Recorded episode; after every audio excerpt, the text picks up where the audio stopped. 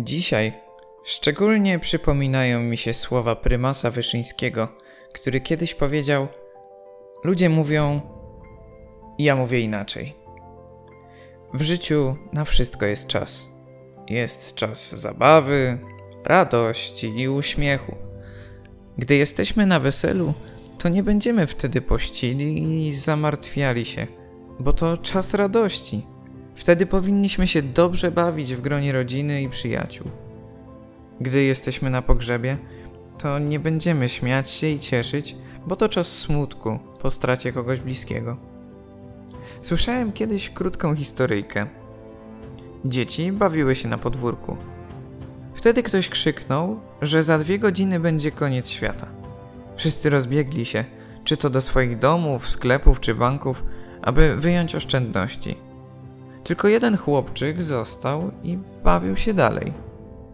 Chłopczyk zapytany, dlaczego nie uciekł, odpowiedział: Bo teraz Pan Bóg chce, abym się tutaj bawił. Zobacz teraz na swoje życie, na to, jak wykorzystujesz czas, który Pan Bóg ci dał. Czas to miłość, a miłość realizuje się przede wszystkim w relacji z drugim. Czy patrząc na ostatni tydzień, na to, co się w nim wydarzyło, możesz powiedzieć, że w Twoim życiu wypełniła się wola Boża? Czy ten czas był czasem miłości, czy czasem egoizmu i lenistwa? Pomyśl, co musisz zmienić, aby czas, który masz, był bardziej Pana Boga i bardziej dla Pana Boga. Żeby dobrze wykorzystać czas i wydarzenia, które masz przed sobą, pomocna jest modlitwa, w której po prostu uzgodnisz to, co masz do zrobienia z Panem Bogiem. Może brzmieć mniej więcej tak.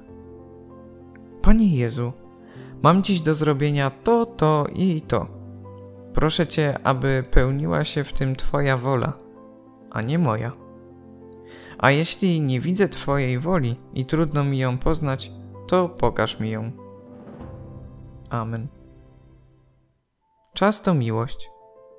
Dlatego tam, gdzie jesteś i gdzie coś robisz, to kochaj. Kochaj Pana Boga, drugiego człowieka i siebie samego.